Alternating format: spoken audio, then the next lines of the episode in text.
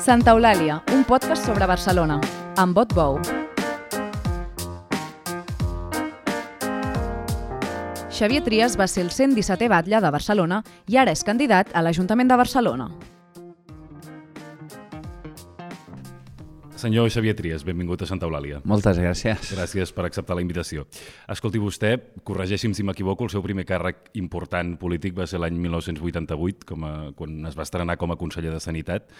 Què ho fa que eh, 35 anys després encara vulgui ser a primera línia política? No, no ha tingut molt de temps ja? El meu primer càrrec polític ja va ser de director general, eh? de director general de l'Institut Català de la Salut i de Planificació i, i bé, això ja va ser en el 83 i això m'ha permès pues, tenir una vida política llarga des del punt de vista sanitari, eh? És una de les satisfaccions més grosses que he tingut a la vida.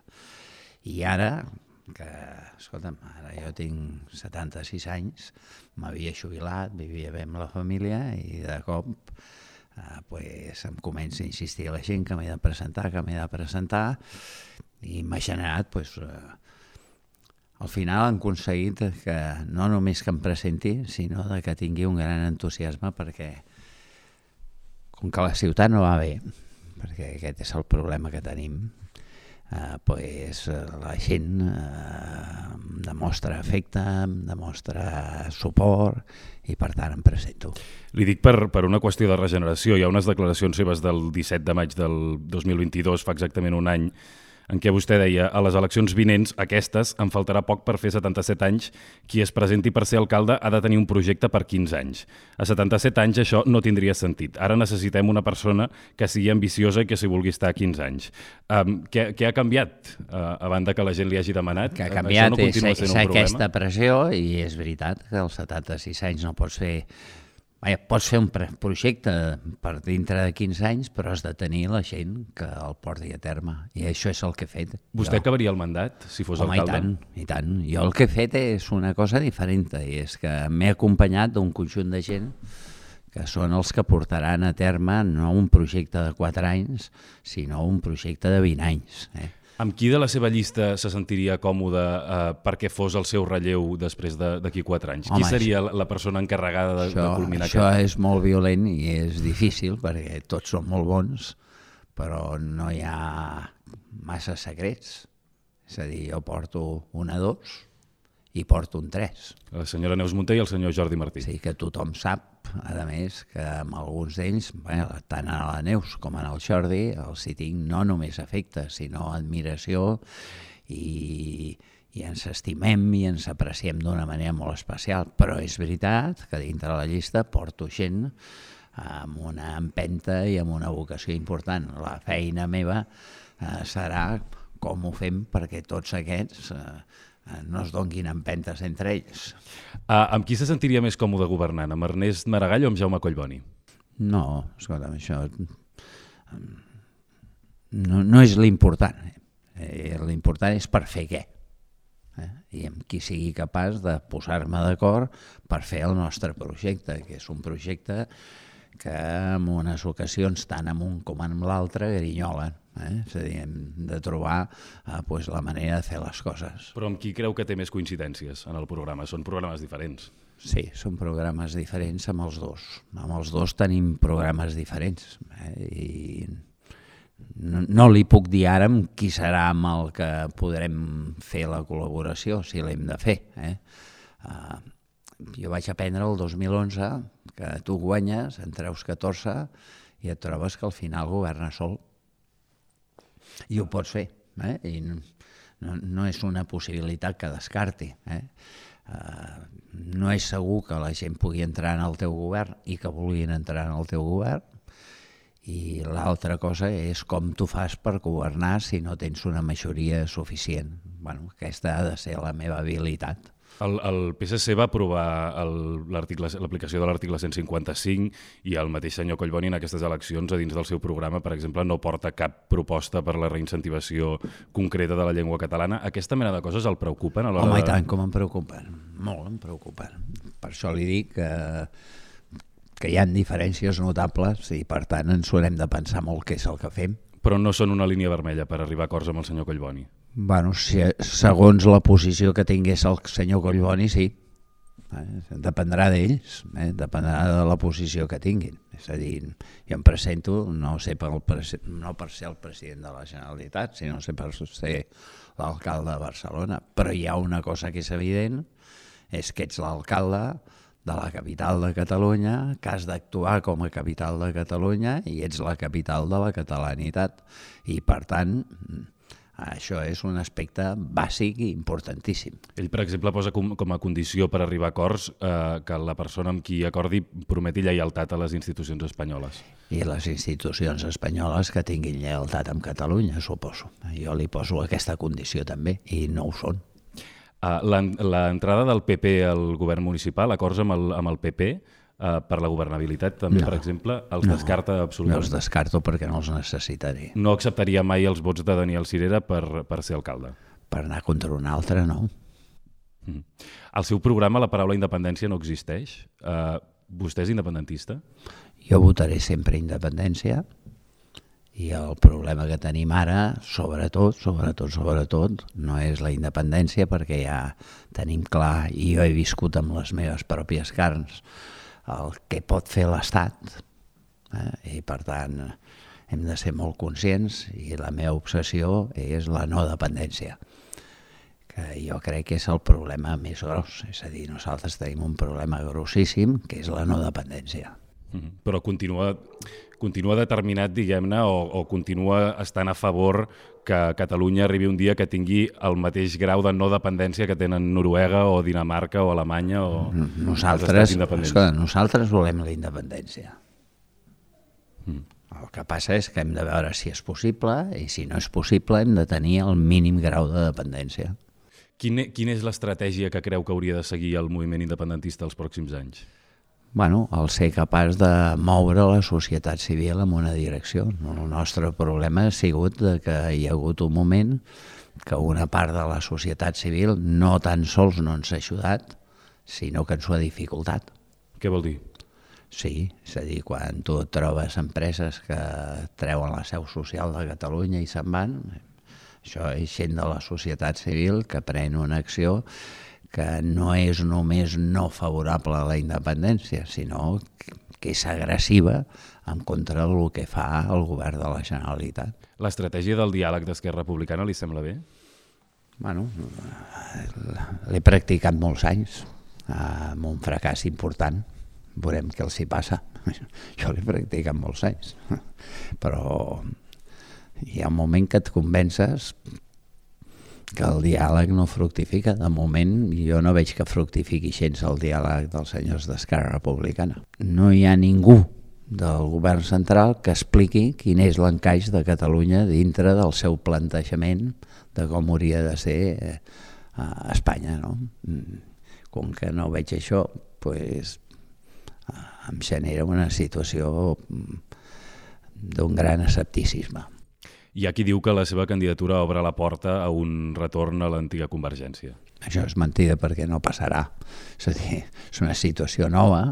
Si, si el que es planteja és dir, escolta, més caldria s'obre la possibilitat que eh, actua com a pal de paller, doncs pues sí, és veritat, intento actuar com a pal de paller i intento pues, que al voltant de la meva candidatura s'hi junti gent que no té sentit que estiguem lluitant entre nosaltres. Per mi és un gravíssim error de, no del independentisme, sinó del catalanisme polític, és un greu error el no sumar gent potser és una cosa nova com a espai, diguem-ne, però sí que, com deia ara vostè, eh, reconcilia gent que estava molt allunyada, com el Santi Vila o Sandro Rossell, que va dir que el votaria, o el president Pujol, amb sectors més... Eh, Uh, més, més rotundament independentistes bueno, jo, jo, jo intento de que ens tinguem un espai comú, que ens trobem, que tinguem diferències, com sempre hi havia hagut amb altres formacions que, en les que jo he militat, jo he militat a Convergència tota la vida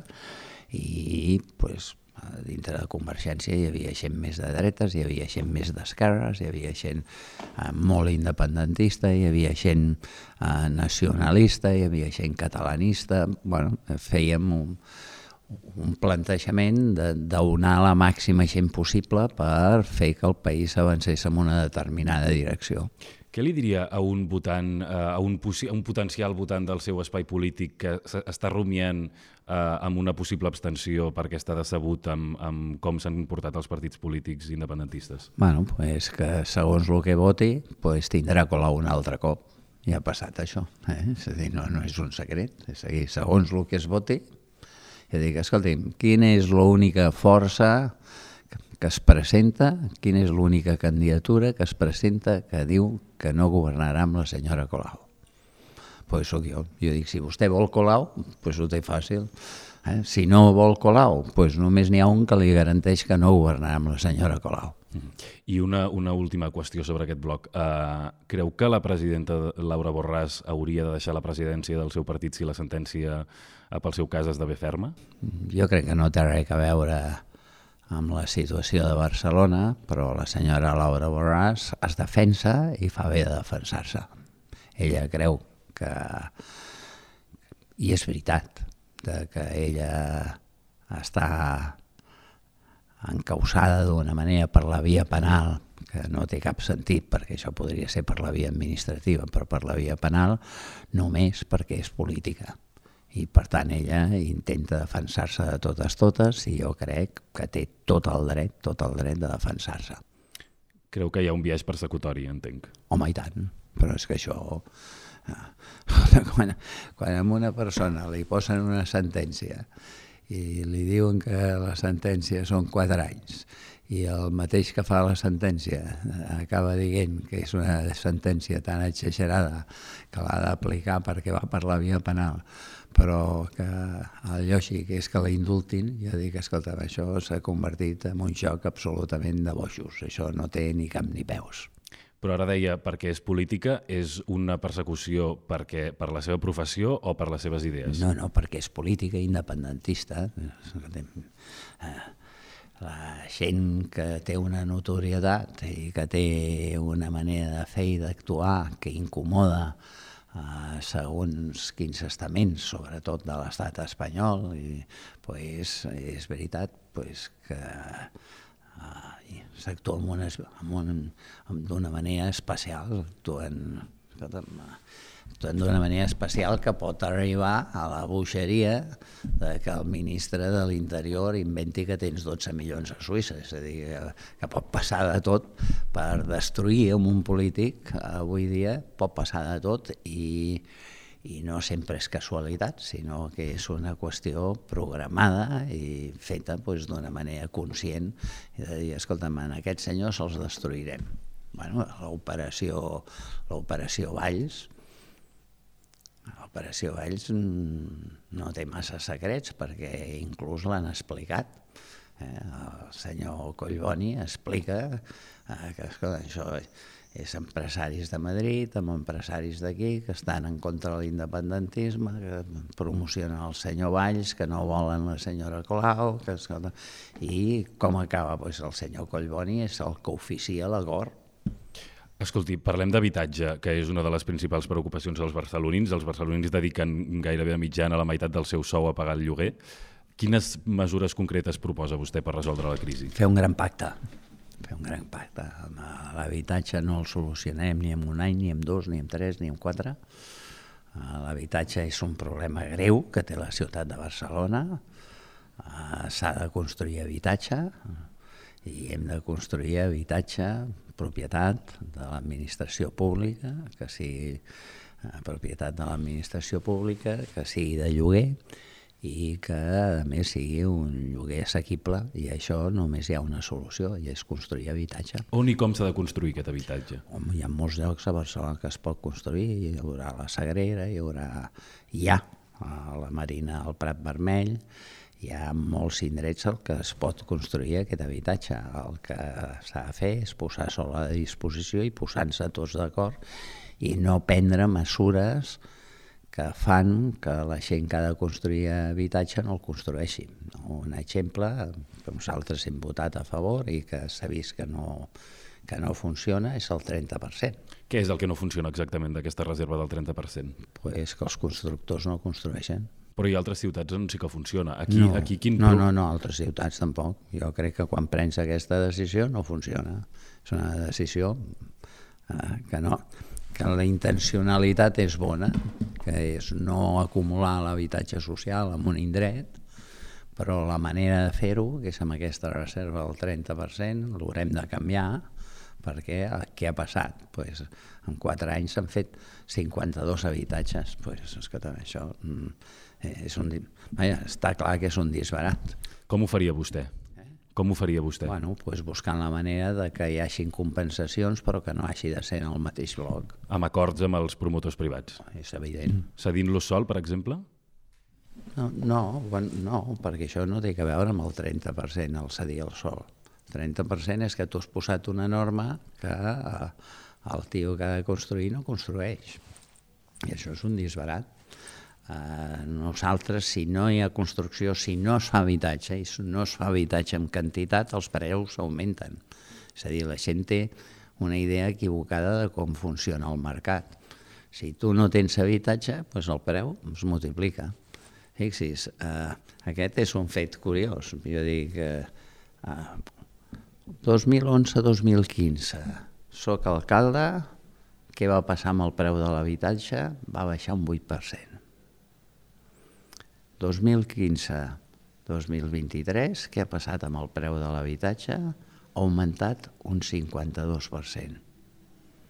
Bueno, doncs jo dic, escolti'm, senyora Colau, vostè, molt progre, molts invents, molta història, molt explicar-se, però és un fracàs absolut, absolut, de la senyora Colau i el senyor Collboni. És un fracàs. Entre, en, aquest, en, aquesta, en aquesta fase que, de, de, de la qual vostè parla, quan vostè era alcalde, entre el 2011 i el 2014, els habitatges d'ús turístic a Barcelona van créixer a, de, de 2.680 a 9.606. No, no van créixer així, no van créixer així, no van créixer així. Això és un invent que explica la senyora Colau.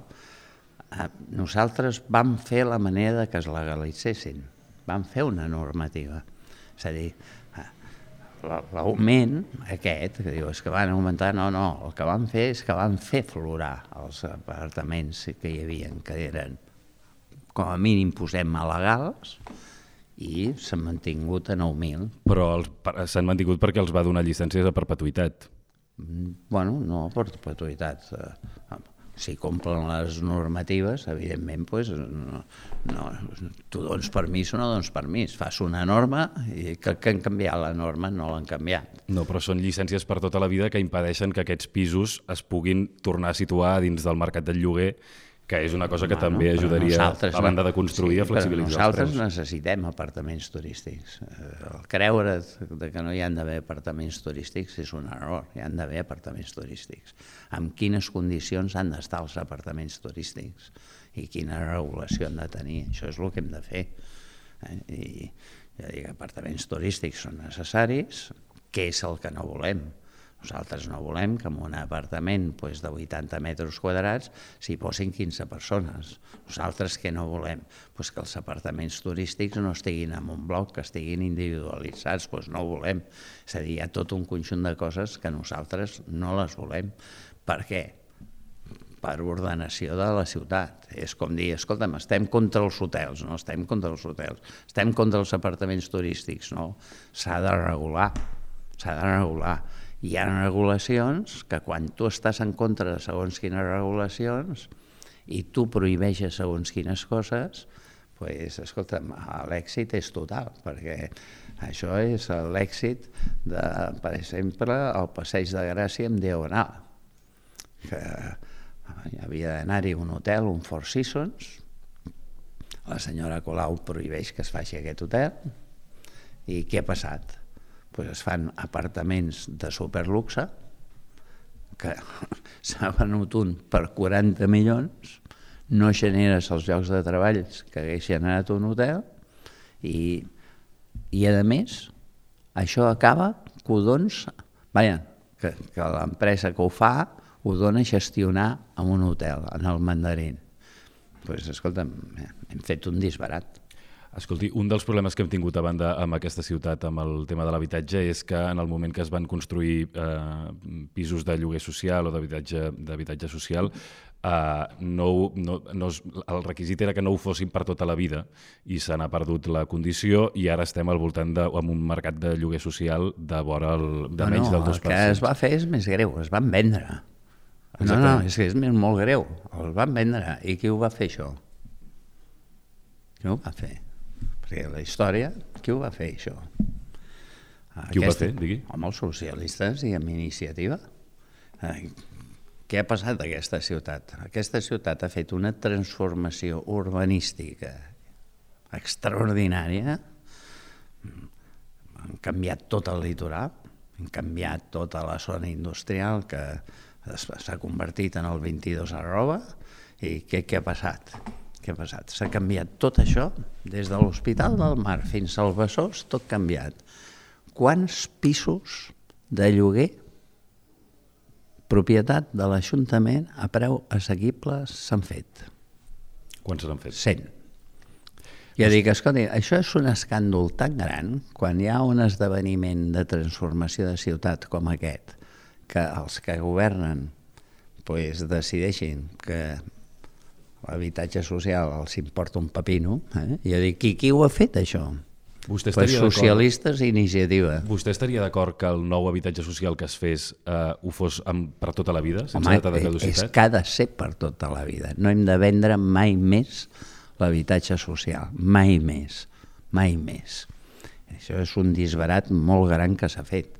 A totes les ciutats europees pues, tenen un 15, un 20, 25% d'habitatge propietat de l'Ajuntament o, o de l'Estat, de l'administració pública.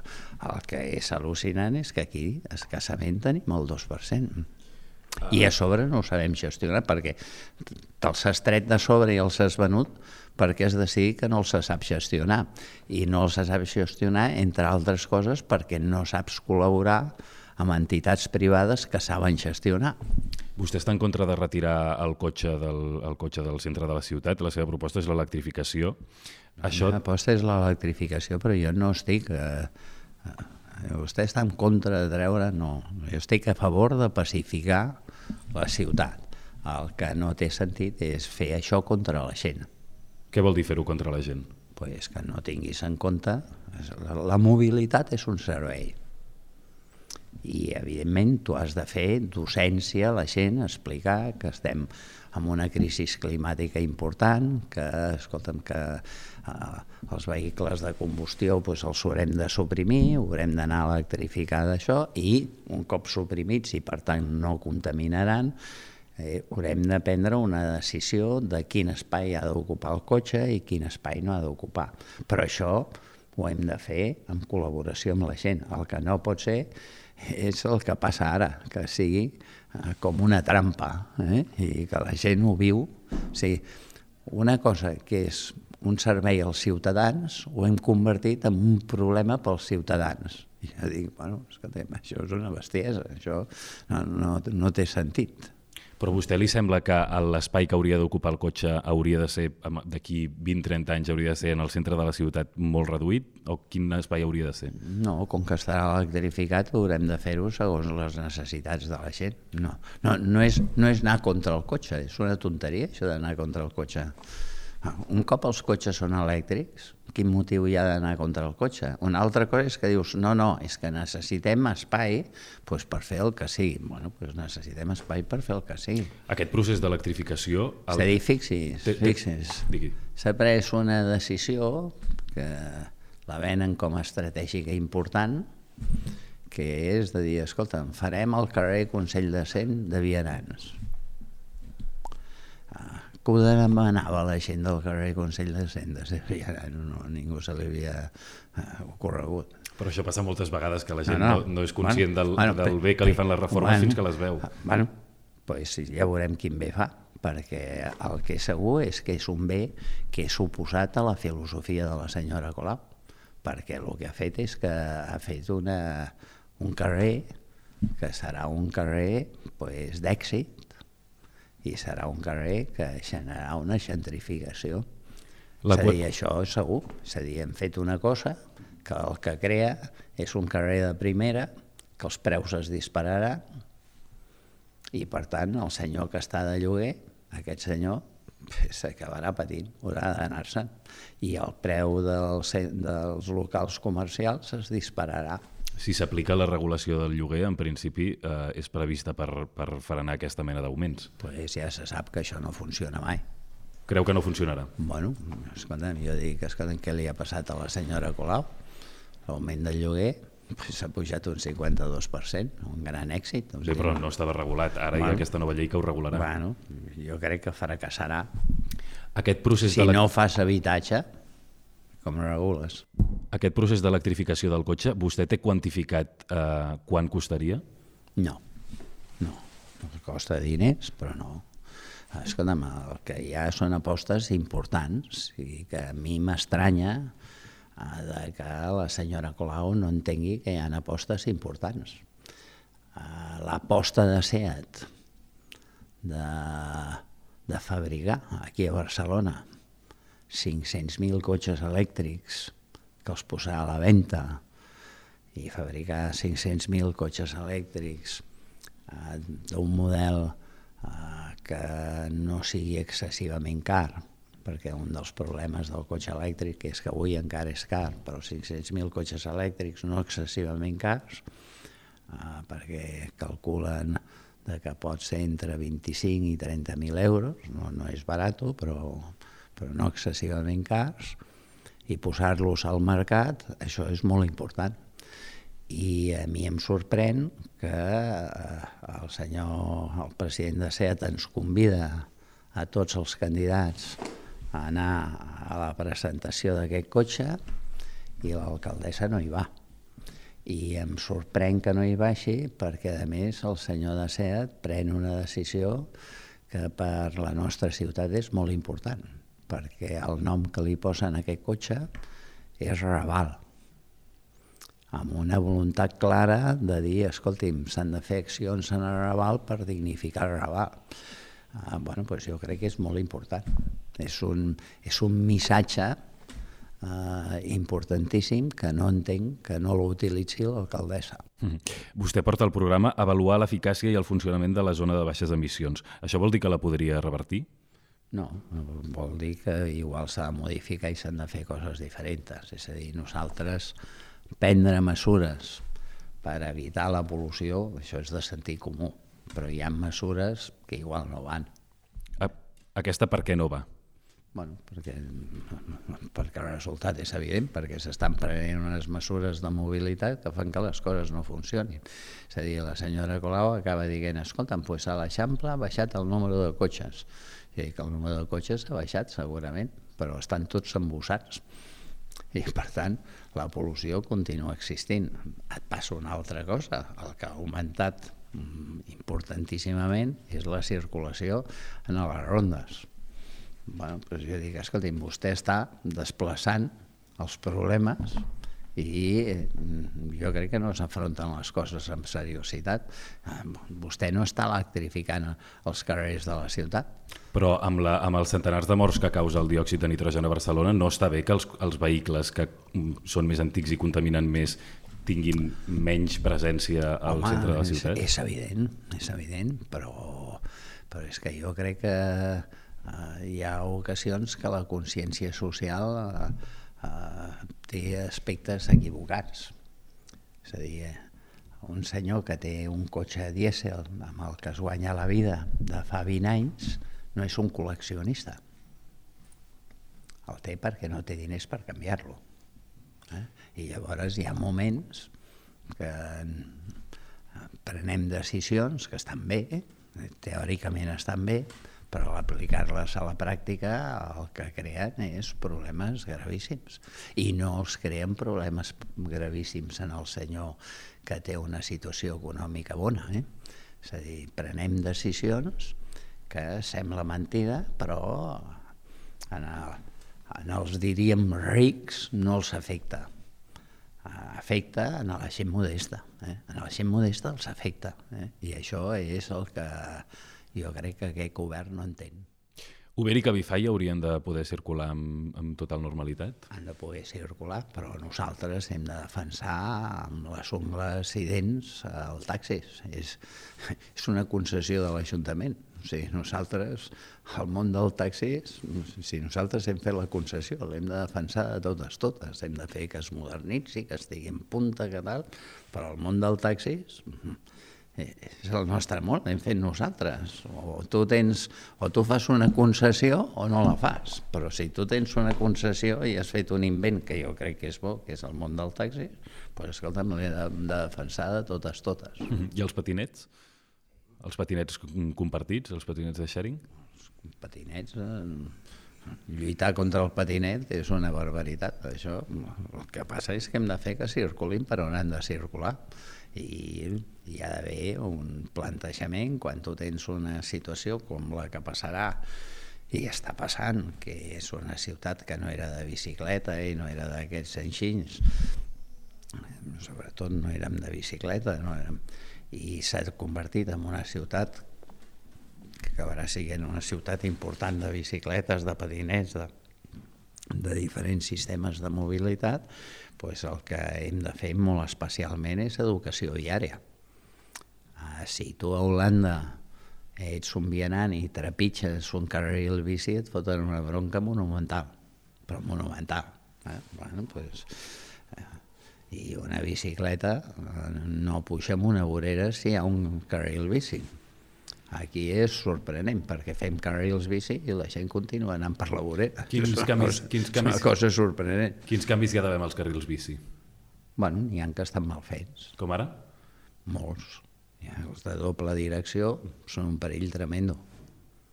És a dir, a mi em fa gràcia perquè quan jo feia carrils bici els feia de doble direcció em deien de tot Bé, vostè mateix acaba de dir no, no, que són un perill tremendo. Clar, i, i, i te n'adones que és un perill. Te n'adones que és un perill. Hi ha, hi ha carrils bici que són perillosos. Dius, escolta, però què, què ha passat aquí? Són perillosos. Eh? A la bicicleta, jo vaig en bicicleta, jo vaig sobretot en bicicleta de muntanya i vaig des de casa meva, a prop del Turopar, fins a la carretera de les Aigües i, i agafo la via Augusta. Eh? que ara estan fent el carril bici. Dius, home, fantàstic que facin el carril bici. Bueno, fantàstic, però jo dic, a mi no em passava res per anar en bicicleta sense carril bici. Jo sempre dic que la persona que va en bicicleta només ha de tenir una idea clara i és que ha d'anar pel mig del carril.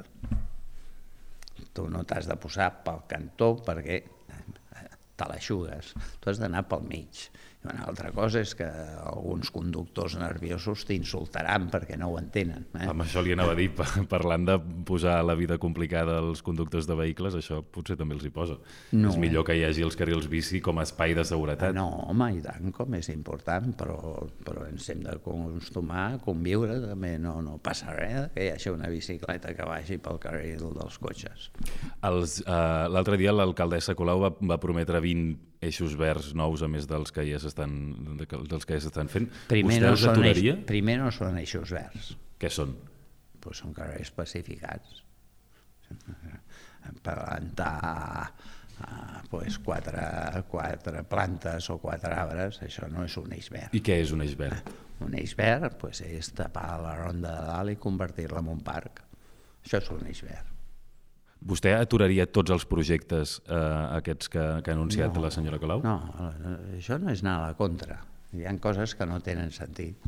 És a dir, el que no s'ha de fer és coses sense sentit. És a dir, les coses s'han de fer eh, per afavorir la vida de la gent. És a dir, què la senyora Colau? Pues que la gent està empipada, la gent està desconcertada i ell explica com a grans transformacions urbanístiques coses que per mi no són grans transformacions urbanístiques. Grans transformacions urbanístiques és això, el de la ronda de dalt. Una gran transformació urbanística és baixar la ronda estructural a terra i passar per sobre eh, pues, un passeig perquè la gent pugui disfrutar i que uneixi pues, a Colón, al paral·lel, amb la Marina del Prat Vermell. Això és una transformació urbanística important. Una transformació urbanística important és la Sagrera, plaça de les Glòries, l'estació de França i convertir això en una zona verd i, i, i que es puguin fer pisos i tal. Això és una gran transformació urbanística. Una gran transformació urbanística ha sigut la plaça de les Glòries una gran transformació urbanística. Hi ha coses que són grans transformacions urbanístiques. El que no es pot dir que sigui una gran transformació urbanística pues, és convertir en, de vianants pues, el carrer Girona. Eh? Bueno, ja dic, escolti, eh, bueno, pues, està bé, eh? això ho havíem dissenyat nosaltres, el carrer Girona, però jo dic, però però explicar que això és la transformació dels eixos verds, diu, no, no, és que Tries, com que no farem només el carrer Consell de Cent, sinó que farem 11 carrers més que... Jo dic, escolti, vostè està organitzant un merder en aquesta ciutat que mm, és disparatat. O sigui, el, el fer que els xanflans no es faci càrrega i descàrrega, quan hi ha una escola està molt bé, però els xanflans, deixant-los sense càrrega i descàrrega, ja dic, escolta, què passa? Pues la càrrega i descàrrega es fa al mig del carrer. I per tant el que tenim és un gran embús a la ciutat. Bueno, diu, no, no, no serà un gran embús, perquè el que farem és que la gent no vingui. Dic, ostres, Eh? Jo que ara em toca fer campanya electoral i vaig a presentar, he anat a presentar gent pues, a Reus, o he anat a presentar gent pues, a Sabadell, a Terrassa, a l'Ametlla... La gent em diu, escolta, ja no baixem a Barcelona perquè Barcelona s'ha convertit en una ciutat incòmoda. Però això es podria compensar amb una xarxa més eficaç de transport públic. No, clar, però el que no pots fer és fer unes coses abans de que tinguis la xarxa. És a dir, el que és una barbaritat és fer unes coses abans de que tinguis la xarxa. Tu primer has de posar les coses perquè tot això sigui factible. És a dir, escolta'm, dius, que vingui la gent amb, amb transport. Bueno, hi ha cops que no es té sentit. És a dir, quan tu fas un carril bici i el que tu generes és un col·lapse a l'entrada i sortida dels túnels de Vallvidrera, jo dic, eh, pues no acabo d'entendre l'invent. Escolti, perquè el digui, que tens és la gent aturada en el túnel, amb més pol·lució, i jo dic, escolta, és que abans... Pues, diu, no, escolta, és que la gent de Sant Cugat s'ha d'acostumar a venir amb el tren. Dic, és que pel túnel de Vallvidrera no venen només els senyors de Sant Cugat. Vostè té una idea equivocada de, de per què serveixen les coses. Vostè es creu que és el senyor de Sant Cugat no, no és el senyor de Sant Cugat, és el senyor de Manresa i el senyor de, de Guardiola, el senyor de... Bueno. Escolti, l'any passat Barcelona va rebre 7.376.000 eh, turistes. Això per vostè és poc o és molt? És una no, xifra... És, és molt, gràcies a Déu, és molt. És massa? No, depèn de quin tipus de turisme vingui. El turisme el que hem de fer és que s'ha de liderar i Barcelona té l'obligació de liderar el turisme. I primera, Barcelona és una ciutat turística perquè és una ciutat d'èxit. Ja hem viscut, que al Colau li diu, li dic que tu que no t'agrada el turisme ja ho has aconseguit perquè hem estat dos anys sense turisme. Una catàstrofe, una catàstrofe econòmica. Vostè parla d'aturar el, el turisme groller. Com, com es fa això? Bueno, primer explicant quin turisme vols i fent campanyes perquè si no te les faran els altres. Però quina mena de campanyes? Com ha de ser el reclam? És una cosa comunicativa purament? Sí, no només, però és important. És a dir, tu en el món t'has de dirigir al món explicant quin turisme vols. I tu has d'explicar que vols un turisme familiar, un turisme cultural, un turisme eh, lligat a congressos, un turisme lligat a, a esdeveniments importants, és a dir, tu vols un tipus de turisme que des del punt de vista econòmic és important i que a més no crea eh, dificultats. Eh? Això no vol dir turisme de luxe, eh? també no, turisme de luxe, però també vol dir això, turisme familiar, normal. El que no volem és el turisme de la prostitució, el turisme... Aquí va haver uns moments que un alcalde de Barcelona deia vingui a Barcelona que veurà les nits aquí, això és una disbauxa. No volem això. No volem això. Quina és la seva proposta? Això és un error. La seva proposta per ampliar l'aeroport de Barcelona, quina és? S'ampliar-lo. amb, amb quina de les opcions que s'ha plantejat? Quina li fa més al pes? Mm, Bueno, no sé quines opcions hi ha. No, La pista sobre el mar, per no, exemple? això és una tonteria. Això per mi no, no té sentit, no té ni cap ni peus. És a dir, nosaltres necessitem eh, que... Nosaltres, l'aeroport s'haurà d'ampliar segur, però nosaltres, sobretot, sobretot, sobretot, el que la nostra obsessió és que hi hagi vols intercontinentals. Eh, La nostra estratègia és molt dura i hem de ser capaços de moure la gent perquè eh, l'estratègia d'AENA no és la nostra. És a dir, AENA està encantada de que el, els vols low cost estiguin a Barcelona. I nosaltres no estem en contra dels vols low cost, però probablement els vols low cost pues, igual pues, han d'anar a Girona o a, o a Reus. En un moment I a d'emergència... Barcelona, I a Barcelona el que necessitem segur, segur, és vols internacionals importants. En un moment d'emergència climàtica en què segurament ens haurem d'acostumar que la- els, els vols no siguin tan generalitzats, no és contraproduent ampliar l'aeroport de Barcelona? No, jo crec que no. Nosaltres hem de ser una societat que estigui en punta. Eh, és a dir, els que expliquen això que ara vostè diu, eh, doncs és curiós que no ho expliquen de Madrid. Ni ho expliquen de Londres, ni ho expliquen de París. És, Però això és trampa perquè la pregunta li he fet jo i li podria dir el mateix de bueno, Madrid. però jo em diverteix fer-li, variar-li la qüestió. Jo dic, escolti'm, a la senyora Colau, que explica aquestes coses que ara vostè ha dit, jo dic, senyora Colau, com és que la seva força eh, no fa això, eh, no, no té aquesta actitud a Madrid? Eh? I vostès i els socialistes tenen davant de d'AENA, tenen el senyor Lucena, que a més coneix Barcelona, que a més sap les dificultats, i que eh, bueno, ens fa una trampa maquiavèlica de venir aquí dient dir que s'ha d'allargar la pista a 500 metres, que ha d'entrar a la Ricarda, que sap que això és quasi impossible, eh? sap que això és quasi impossible, i és una provocació i diu, escolti'm, i, i si no, no els hi donaré els 1.700 milions i llavors ja et quedes al·lucinat perquè aquests 1.700 milions que et vol donar aquest senyor, de qui són? Són del compte d'explotació de l'aeroport de Barcelona, o sigui que aquest senyor ens està fent trampes, ens, ens prenen el pèl.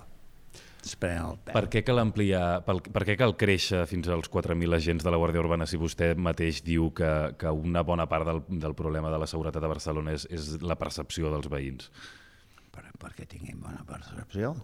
Nosaltres una cosa bàsica, però bàsica, bàsica, bàsica uh, per la seguretat és que hi hagin agents al carrer passejant. Però si és un tema de percepció, eh, és una cosa que la gent s'imagina, és a dir, és la, és la projecció que la gent fa de la delinqüència. No, no, no és que s'imaginin.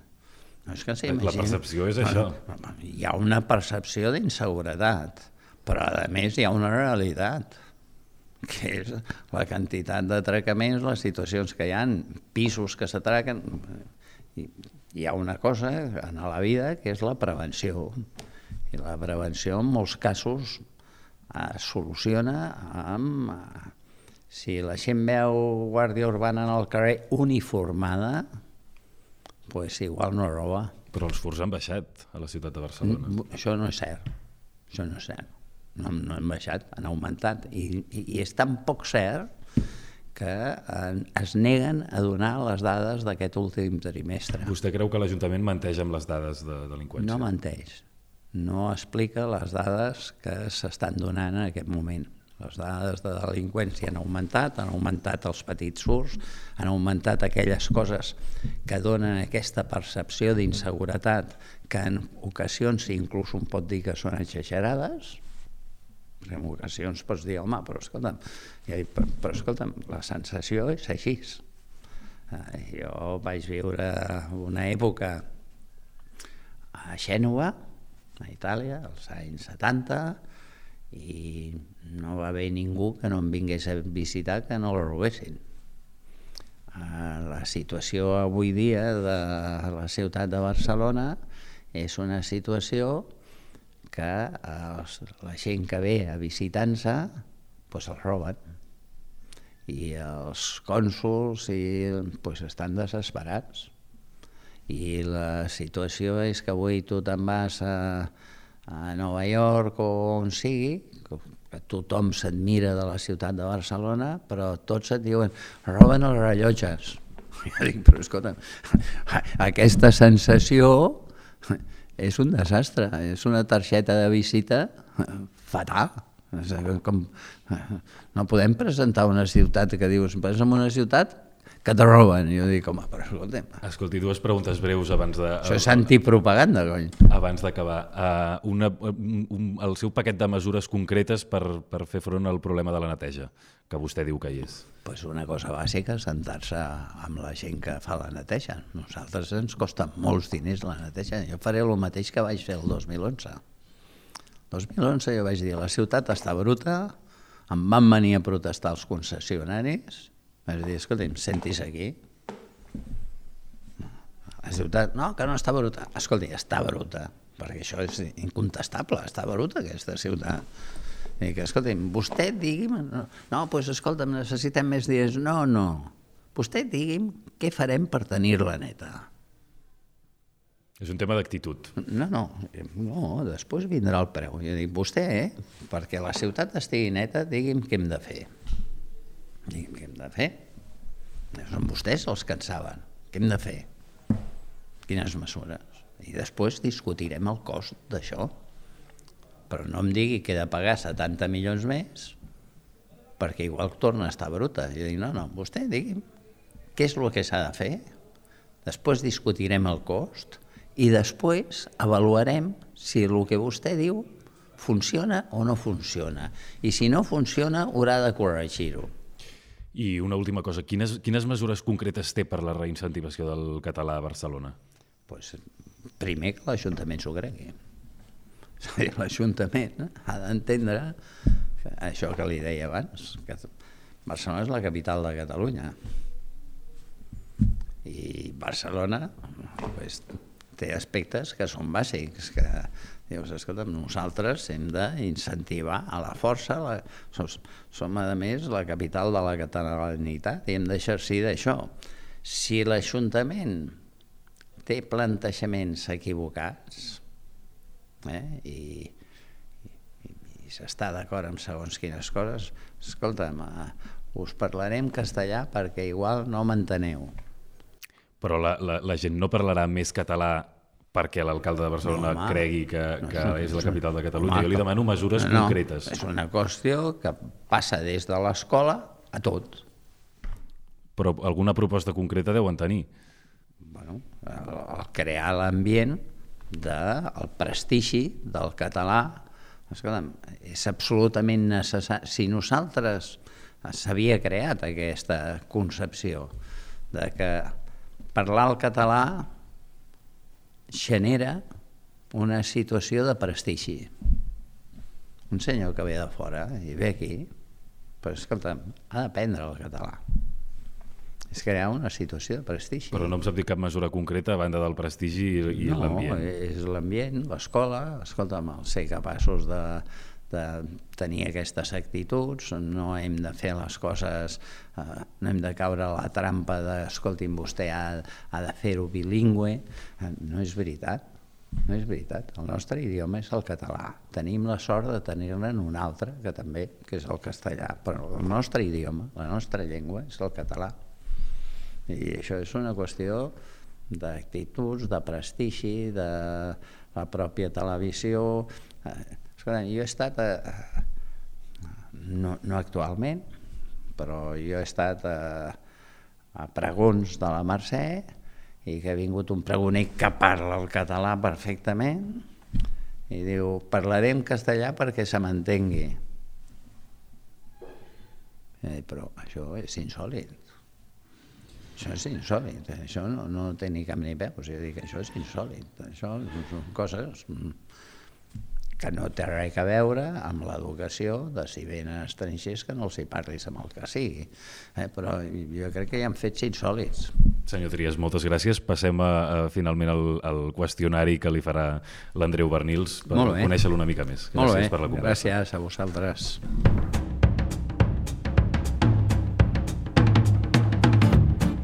El qüestionari Proust, amb Andreu Bernils. Andreu, bon dia, com estàs? Bon dia, content d'estar aquí. Perfecte, doncs escolta, et cedeixo el torn de paraula. Molt bé, senyor Trias. Seran unes 20 preguntes. Molt bé. Darrer cop que heu fumat marihuana? Mai. Quants metres quadrats té casa seva? 200. Quin cotxe teniu? Un Audi. Flor predilecta? La rosa. Animal favorit? El gos. Quin color preferiu? El groc. El vostre lema vital? Dona'm la mà per fer camí. En quines ciutats o pobles heu viscut més de sis mesos? A Xènova i a Berna. Quines llengües parleu? Parlo el francès, bé, el català, el castellà, el francès, l'italià i l'inglès però malament. Quin és l'estat d'ànim més comú?